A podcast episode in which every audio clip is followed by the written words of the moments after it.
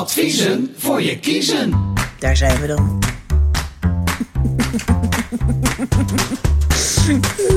Succes hè?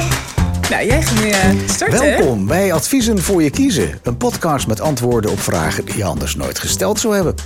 Dit zijn veelal vragen op het gebied van werk, gezondheid en functioneren. Karin Osmus is geregistreerd bedrijfsarts, extern vertrouwenspersoon, consultant en directeur-eigenaar van een bedrijfsgeneeskundig adviesbureau Homme Osmus Synergie BV. Mijn naam is Victor Chevoyer. Ik werk als trainer, coach en mediator voor het Transitie Instituut. Al decennia begeleid ik particuliere werknemers en werkgevers bij problemen en veranderingen. In deze podcast, als het goed is, aflevering 13 ondertussen alweer. Maar ik weet niet zeker of het 13 is. Gaan we straks even kijken. Wat zijn de meest bekende beroepsziekten en hoe ga je daarmee om? Dokter Karin. Ja, dat was ik. Hallo. Ja, hallo. Ja. Nou, wat zijn de meest bekende beroepsziekten en hoe gaan we daarmee om? Dat zijn wel.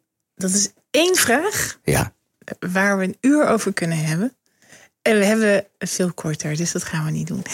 Ik, moet, ik moest even mijn gedachten ordenen. Dat is geen beroepsziekte, dus ik moest even landen. Beroepsziekte. Nou, begin even overnieuw. Adviezen voor je kiezen. Zo, dokter Karin. Wat zijn de meest bekende beroepsziekten en hoe ga je daarmee om? Of moet je het even opzoeken? nee, nee, nee, want dan krijg je dat hele akelige muziekje. Ja, doe, de- doe maar de- niet. deze. Nee.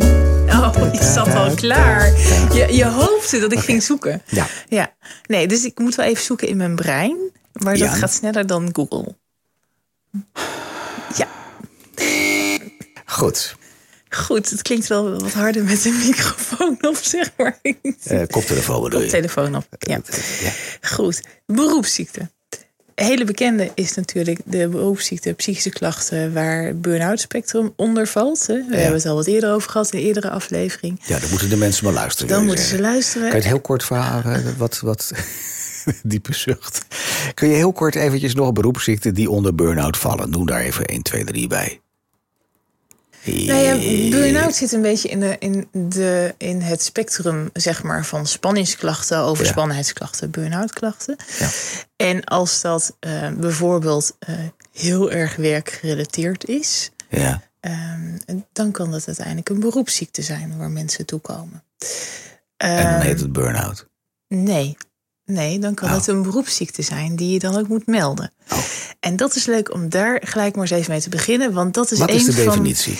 Nee, eh, het te beginnen is de, een van de taken van de bedrijfsarts is, is een Ja. wettelijke taak, is het melden en onderkennen van beroepsziekten. En we melden een beroepsziekte bij het Nederlands Centrum voor Beroepsziekten. Ik wist niet eens dat je dat had. Ja, dat bestaat dus. Dat zit in, Ja. eh, in Amsterdam. Oké. Eh, Er zijn mensen die zich daar dagelijks mee bezighouden. Zeker, zeker. Oké. En het is dus een wettelijke plicht. Het ligt letterlijk in de wet vast, vast dat Ja. wij dat moeten melden. Net als dat bijvoorbeeld de dokter bij de GGD infectieziekte moet melden. Ja.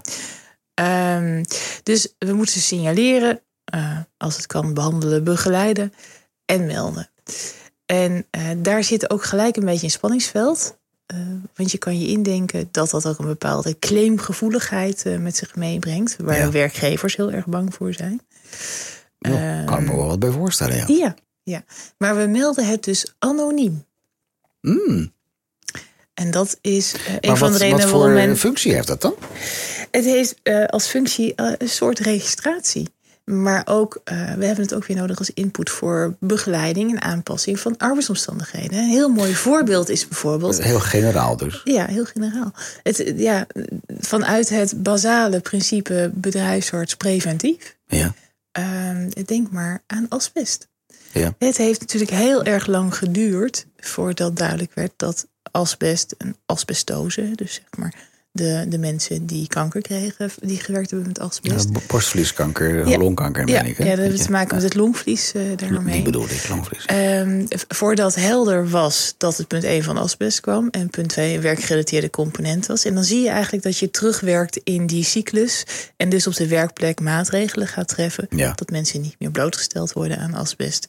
En dat de verwerking en uiteindelijk het volledig uit productie genomen is. Ja. Dus die, die signalering is een heel belangrijk iets om uiteindelijk preventief ook weer iets mee te kunnen doen. Maar dan heb je het over een hele eh, fysiek-medische eh, ziekte, zeg maar. Eh, we begonnen het gesprek min of meer over een mentaal component. Ja. Ehm, kun je dat ook zo vast omlijnd bij die stichting onderbrengen? Ja, het is- nee, het is geen, het is geen stichting. Hè? Het, is, het is het Nederlands Centrum voor Beroepsziekten. En Daaraan verbonden zitten Poly Mensen en Arbeid. Die doen ook heel veel. Ja. een, een, een, een soort Een overheidsinstantie. instituut, ja, het is een instituut als het ware. En Polymens en Arbeid doet ook heel veel onderzoek daarnaar. Ehm, ja, psychische component. Ja, denk maar eens aan OPS. Hè, de schilders eh, die bloot stonden aan de vluchtige stoffen... die eh, in bepaalde verfproducten gebruikt werden... Ja. zonder goede ventilatie... ontwikkelden daar uiteindelijk ook eh, neurologische... en nou ja, uiteindelijk daarvan ook psychische problematiek van. Maar een burn-out situatie waar we mee begonnen in het gesprek.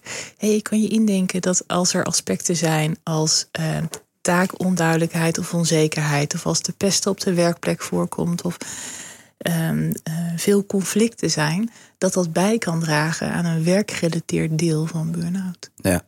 Ehm, als, je, als je daarover nadenkt, kun je dan ook eh, stellen dat daar informatie uitkomt die eh, laat zien dat de psychische problemen op de werkplek als beroepsziekte de afgelopen 20, 30 jaar toegenomen zijn? Of is dat te simpel gedacht? Of heb je daar geen cijfers van? Dat kan natuurlijk Ja, er zijn cijfers. Die cijfers kan ik je niet zo paraat eh, geven. Maar wat, eh, nee, die, die kun je echt in eh, getal Kunnen. opzoeken. Het tegenvalletje hoor, tegenvalletje. op de site van het Nederlands Centrum van Beroepsziekten. Maar wat duidelijk mag zijn, is dat het aandeel psychische klachten wel echt in ontwikkeling en toename is.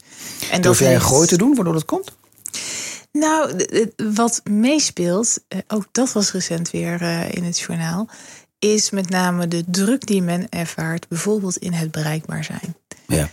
De, de 24-uurs-economie die in toename kent. Maar ook een stuk verharding die daarin meespeelt. Ehm, de- de afgelopen jaren, de recessie, heeft ook echt daadwerkelijk wel een duit in het zakje gedaan. Ja. Ehm, en daarnaast wat je ziet is dat mantelzorgtaken van medewerkers naar ouders, naar kinderen toenemen. Eh, doordat er weer andere wet en regelgeving wordt afgeschaft. Ja, klopt. Hè, dus ja. het, is, het is een continuum. En dan eh, doe je op de participatiewet in eh, 2015. Bijvoorbeeld. Ja. bijvoorbeeld Ja. ja. Ja. Dus er zijn altijd meerdere facetten in het verhaal. Hè? En het is ook bijna nooit alleen maar werkgerelateerd of alleen maar privé. Hè? Die scheiding die is vaak nooit zo hard te maken. Want je bent een totaalmens die naar zijn baan gaat en die weer thuis komt. Mhm. Ehm, maar we kijken wel, zijn er evidente zaken die gemaakt hebben dat? Of Oké. een groter aandeel hebben. Ja. En als we kijken naar de, eh, hoe we daar nu eh, doorlopen, een aantal stappen als bedrijfsarts om dat te beoordelen, Mhm. zie je dat dat eh eh 50% of meer moet zijn als aandeel tot het ontstaan van een aandoening. Oké. Maar het moet 50% of meer eh, naar het beroep dat is neigen. één van die criteria. Ja. Er zijn er meer. Hè, voordat iedereen denkt van het is 50% of meer, dan is het zo. Nee, het is er zijn meer criteria van voor. Er zijn meer criteria. We lopen niet voor niks zes stappen. Ehm, maar infectieziekten zijn bijvoorbeeld ook beroepsziekten. Hè. Als ik werk in het ziekenhuis en Ja. ik ben chirurg en ik Ja. snij mij tijdens de operatie, wat gewoon kan gebeuren. Dat is een bedrijfsongevalletje, want dat Hmm. Gebeurt nog wel eens. En ik snij mij eh, in de patiënt eh, die of HIV heeft of hepatitis. En daardoor krijg ik het ook. Dan heb ik ook feitelijk te maken met een infectieziekte, met een beroepsziekte. Nou zal en- dat niet zo, niet zo dagelijks voorkomen, Nee, lijkt me. dat komt en niet dagelijks voor. En Nee. voor een hepatitis word je ook gevaccineerd voordat je werkzaam bent. En er zijn hele strikte hygiëneregels. Ja. Dus, maar die zijn er juist omdat we de risico's kennen. Ja. En dat ook gebruiken op beleidsmatig en organisatieniveau. Om die risico's te doen beperken voor het ontstaan van ziekte of gebrek van de medewerker. Ja. Eh, dus eh, die signalering is een heel belangrijk evident onderdeel in je totale ja, bedrijfsadvisering. Ja. Eh, maar ook richting eh, staat Nederland. Oké.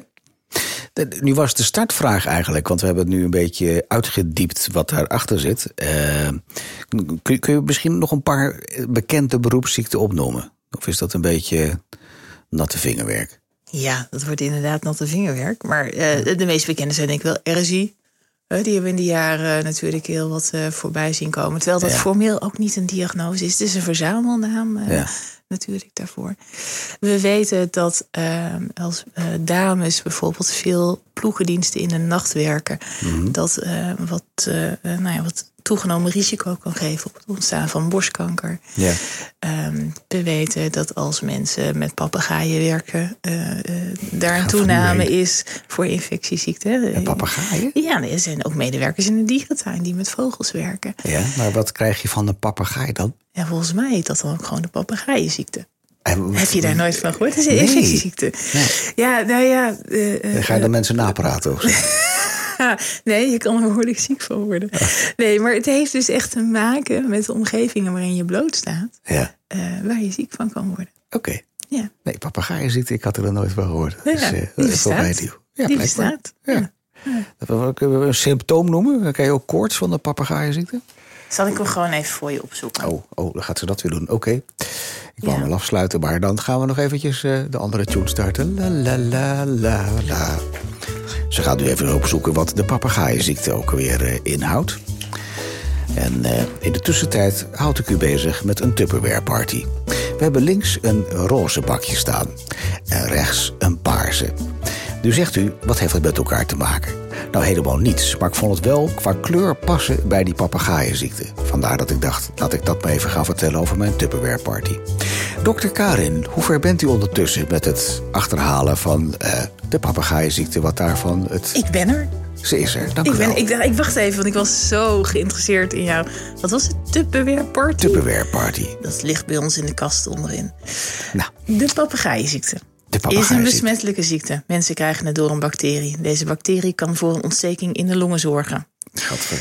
En hoe krijg je hem dan? De bacterie zit in poep van vogels, vogelsnot en oogvocht van vogels. Als dit opdroogt, kan het in stof terechtkomen. Iemand kan besmet raken door het inademen van besmet stof, bijvoorbeeld door het schoonmaken van vogelkooien. Poep van vogels kan wel acht maanden lang besmettelijk blijven. Zo. Wil je meer weten? Kijk dan vooral En dat op de- wil je? dan kijk dan vooral op de site van het RIVM. Daar kun je er meer over lezen. Nou, ik ben, eh, ik ben blij dat we nu eindelijk weten wat eh, de papegaaienziekte is. Ik toch nog iets kunnen bijdragen? Ja, ik vind het, ik vind het geweldig. Ja. Maar snap je nu dus ook dat als je medewerker bent in een dierentuin of in een dierenwinkel en daar vaak mee in contact komt, dat er dus een mogelijkheid is dat er een infectieziekte ontstaat. Nee, serieus, ik snap hem wel. Ik snap wel dat dat eh, op die manier werkt. Ja. En dan moet die werkgever allerlei maatregelen treffen om te gaan voorkomen dat dat gebeurt. Hmm. Ja, blijven drukken. Je hebt het maar druk als werkgever Ja. en als bedrijfsarts. Zeer zeker. Dit was weer een aflevering van eh, Adviezen voor je kiezen, onderdeel van de Praatkast. Een podcast met antwoorden op vragen die je anders nooit gesteld zou hebben. En er zijn veelal vragen op het gebied van werk, gezondheid en functioneren.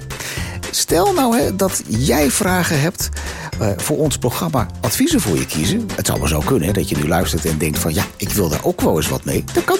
Stuur dan een mail met je vraag naar info.praatkast.nl. Maar als je dat nog net te veel werk is, dan kan je ook gewoon even naar de site gaan, praatkast.nl. En dan zie je rechts onderaan zo'n WhatsApp-icoontje. Kan je aanklikken en dan kan je gewoon even appen. Heel makkelijk. Wat een werk zeg. Als ook dat nog te veel is, kun je gewoon bellen. Is dat een idee? Of Het is je wel gaat- ouderwets. Ja, dan kom je langs. Krijg, je- krijg je nog koffie ook. Dat is heel Oh, makkelijk. Met een koekje. Ja, dat koekje hoort er altijd bij. Wel Dat is, één koekje zou Maxima zeggen. nou, voor mij mogen ze er ook twee. Want we hebben vezelkoekjes. Oh ja, en we hebben twee benen, dus twee koekjes. Dan mag je twee koekjes. Ja. Deze podcast wordt je aangeboden door Hosmus Synergie en het Transitie Instituut. En met dank aan Hans, daar was hij. Hans Zeilmaker van Studio 0317 voor de nabewerking. Dank je wel voor het luisteren naar Adviezen voor je kiezen. En graag tot de volgende aflevering. Dag.